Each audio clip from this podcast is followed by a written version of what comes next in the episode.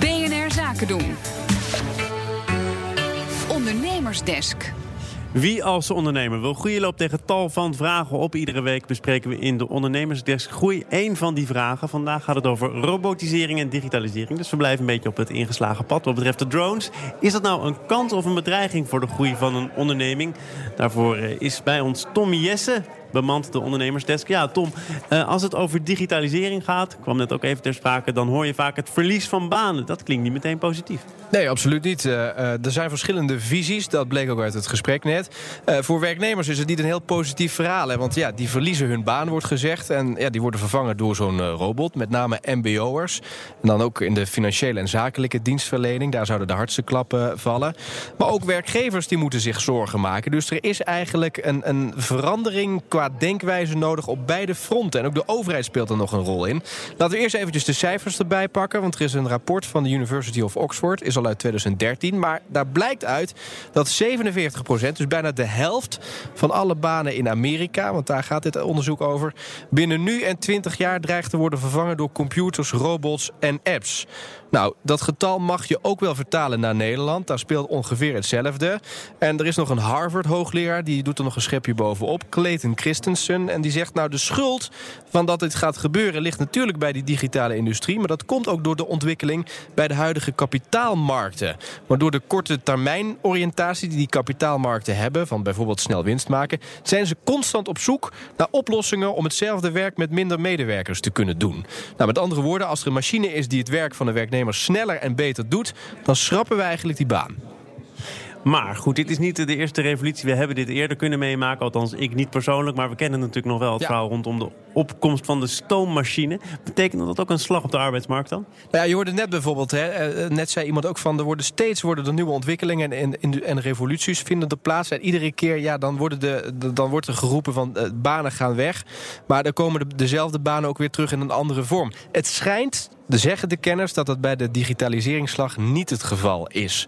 Want um, de digitalisering en de robotisering die is veel ingrijpender. Werknemers die worden namelijk vervangen. En daar komen niet meteen nieuwe banen voor terug. Dus die innovatie leidt tot het verdwijnen van banen... en nog maar beperkt tot de creatie van nieuwe banen in de sectoren. En dat blijkt uit een rapport van PwC... dat ze in 2015 hebben opgesteld. En waardoor komt dat nou? Nou, die nieuwe banen die uh, gecreëerd worden... die hebben een veel hogere productiviteit door die innovatie. Want een werknemer die overblijft... die kan met de machines en de apparaten die hij eigenlijk om zich heen heeft... kan die veel meer waarde creëren. We moeten even naar hoe je daar als ondernemer dan mee omgaat. Hoe zorg je voor een gezonde balans tussen robots en werknemers van vlees en bloed? Ja, nou je moet je bedrijf goed inrichten. Dat moet je uiteraard altijd doen. Maar er is een nieuwe term bedacht. Let op, schrijf mee. Want het gaat om employee agility. En wat houdt dat nou in? Ja, mooi hè. Je moet je bedrijf um, zo inrichten dat je mensen het vermogen hebben om snel te reageren op veranderingen. Dus stel er komt weer een, een nieuwe trend vanuit Silicon Valley. Dan moet je eigenlijk met je mensen zeggen van jongens, kom op. We hebben er zin in. We pakken dit aan we zijn wendbaar en we weten hoe we hierop in moeten spelen. En wat betekent dat concreet voor werknemers en werkgevers? Nou, heel concreet, je moet je leven lang blijven bijleren. En dat roepen we altijd heel vaak. En politici roepen dat ook. Maar onderzoek laat zien van PwC dat we in Nederland tijdens onze carrière eigenlijk veel minder leren dan in de ons omringende landen. Bijvoorbeeld in Duitsland en België. Daar leren ze veel meer tijdens hun carrière. Nou, om die nieuwe techniek te blijven gebruiken, moeten we dus constant eigenlijk onszelf bijscholen. Dat geldt voor de oudere werknemers, maar ook voor, voor jonge mensen die de arbeidsmarkt uh, op te komen. Want zo blijf je aantrekkelijk voor werk werkgevers. Dus er zijn ook een aantal termen die geformuleerd zijn die belangrijk zijn in dat hele proces. Um, en als je dan gaat kijken, nou wat zijn dat dan van kenmerken die, als je, die je als werknemer moet hebben, dan zijn dat eigenlijk allemaal zaken die een computer nog niet heeft en ook de komende jaren nog niet kan hebben. Nou, wat hmm. zijn dat dan? Bijvoorbeeld, dan komen ze compassie moet je hebben als werknemer, intuïtie, creativiteit, mensenkennis, het kunnen omgaan met robots, het analytisch vermogen hebben om data te kunnen interpreteren. En zo kan ik nog eventjes doorgaan. Dat zijn dus eigenlijk allemaal um, zaken die je jezelf eigen moet maken... om te kunnen concurreren met die robots en die digitaliseringsslag... om zo interessant te blijven.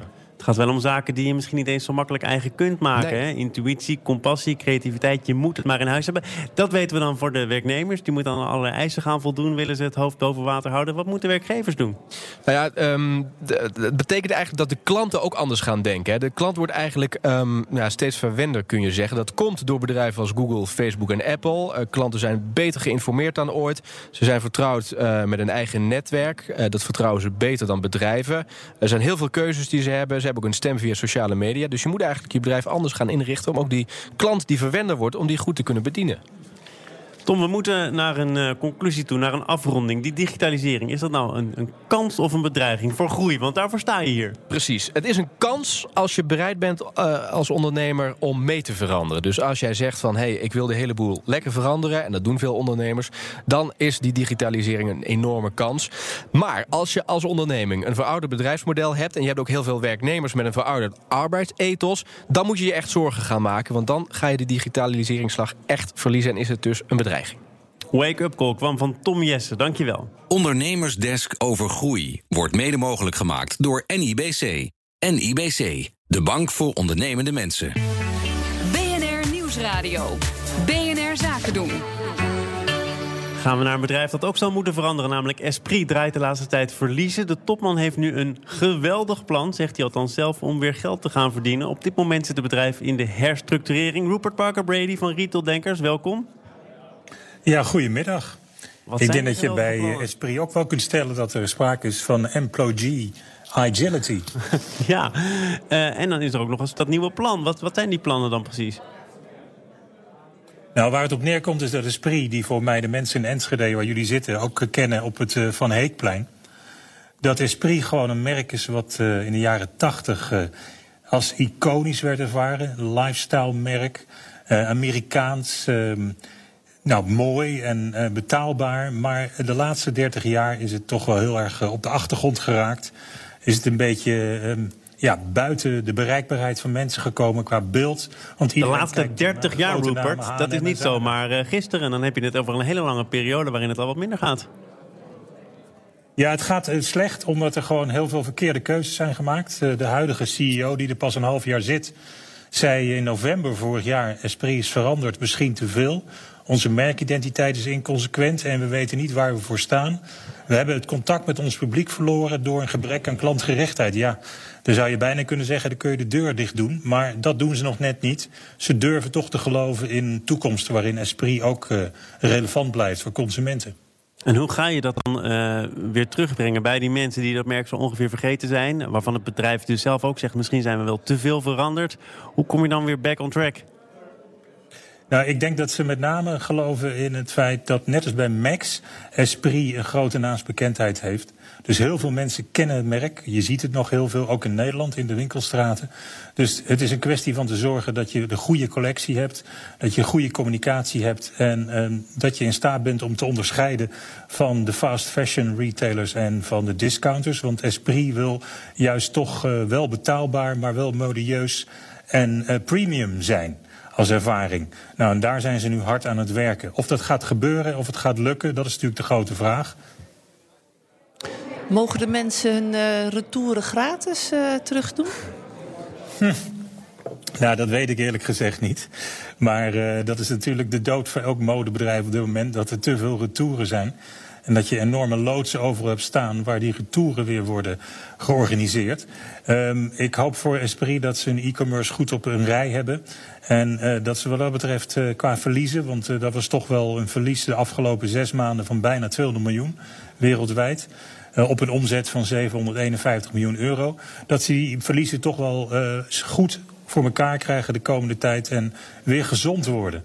Want het is heel lastig in deze tijd. Ik zei al, Max komt er ook weer aan. De eerste locatie vorig jaar weer in Nederland geopend. Iconisch merk. Um, heel veel concurrentie. Hoe zorg je ervoor dat je dan toch relevant blijft en vooral omzet draait? Aan naamsbekendheid ligt het in ieder geval niet.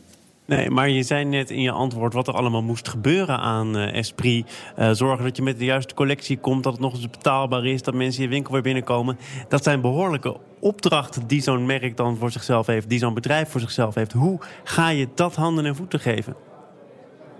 Ja, nou dat is inderdaad. Uh, de CEO uh, spreekt over een transitieperiode. Ooit werd er gesproken over een totale transformatie. Zij hebben het meer over een geweldig plan. Het gaat in ieder geval volgens hem nog zeker twee jaar duren. En het bedrijf is schuldenvrij, heeft zelfs nog 405 miljoen euro op de bank. Dus uh, het is een kwestie van uh, vooral besparen. Het hoofdkantoor gaat verhuizen naar een kleinere locatie. Uh, minder locaties, minder vestigingen wereldwijd. Focus op de wholesale tak. Dus met andere woorden het merk en de kleding bij andere verkopers in de wereld. En zorgen dat je vooral aansprekend bent. Ja, bij elkaar denk je van dat levert misschien onderaan de streep op dit moment nog niks op. Maar op termijn moet het toch zorgen dat eh, het onrendabele esprit toch weer eh, winstgevend wordt. Ja, is het misschien een hele confronterende vraag om mee af te sluiten, maar hoeveel mensen zouden Esprit nou echt missen als het uh, niet meer bestaat? Ja, nou, dat is natuurlijk ook de vraag destijds bij het faillissement in 2014 van Max.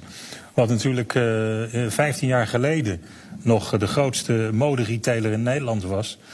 Um, het is weer terug. Uh, de nieuwe eigenaren, Nederlanders trouwens, die geloven erin. Uh, Esprit uh, van oorsprong Amerikaans, um, Californische stijl. Um, ja, als het morgen dicht gaat.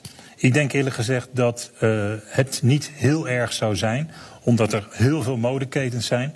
Maar zo werkt het natuurlijk niet in de wereld van retail en fashion. Mensen proberen toch altijd weer een stukje van die taart, die grote taart, um, te pakken. En dat wil Esprit ook. Ondertussen non-food detailhandel, dus mode in Nederland, dit jaar ook. Uh, neemt alleen maar af, staat onder druk. Dus het blijft heel moeilijk om kleding te verkopen. Rupert Parker Brady van Retaildenkers, dankjewel en tot volgende week. BNR Zaken doen wordt mede mogelijk gemaakt door Schneider Electric en Atradius. Atradius, verzekerd van betaling. Jouw klanten veranderen. Bedreiging of kans voor groei? Revel X realiseert innovatieve en digitale groei. Realiseer groei.nl. Wat doe jij zo al op een dag? Grote kans dat je vooral gesprekken voert, mensen stimuleert en adviseert, vergadert, onderhandelt en presenteert. En hoe gaat dat? Zou het beter kunnen? Volg dan de leergang Leiderschapscommunicatie van het Nederlands Debatinstituut. Wij helpen je graag je impact te vergroten. Wil jij communiceren als een echte leider? Schrijf je dan in op leergangleiderschapscommunicatie.nl. Het Nederlands Debatinstituut geeft inhoud vorm. Innovatie en digitale groei? Revelix. Realiseer groei.nl. Droomt u al jaren van een Rolex, Breitling, Omega of Cartier horloge? Spiegelgracht Juweliers biedt betaalbare occasion horloges van de beroemdste merken met 18 maanden garantie. Kom langs aan de Spiegelgracht 12 in Amsterdam of kijk op spiegelgrachtjuweliers.nl. Een jaar geleden kende niemand onze naam. Nu staan we in de top 3 van cybersecurity bedrijven. Tesorion, een echte specialist. Altijd op zoek naar de beste oplossing. En dat loont. Ons ook leren kennen? Kijk op tesorion.nl. Cybersecurity all in. De wind door jaren. De zon op je gezicht. Het ultieme gevoel van vrijheid. Jouw watersportseizoen start op de Hiswa. Met honderden boten, duizenden watersportspullen en handige workshops. Van 6 tot en met 10 maart in Rai Amsterdam. Koop nu je tickets met korting op hiswarai.nl. Tot en met 16 jaar gratis. BNR Verkeer. Mijn naam is René Passet van de ANWB. De Botlektunnel in de regio Rotterdam was even dicht vanwege een te hoge vrachtwagen. Inmiddels is de tunnel weer open. Ik heb het over de A15 naar Europort. Het rijdt er nog wel wat langzaam, maar dat eh, gaat snel oplossen. En dan de flitsers. De nieuwste flitsers zijn te vinden op de A1 Amersfoort Amsterdam in beide richtingen bij 10,1. De A12 Utrecht Den Haag bij 25,5 en de A73 Maasbracht Nijmegen bij 12,7. Een blik van over de grens naar de economie binnen de grens. Dat zometeen in het economenpanel van BNR Zaken doen. Eerst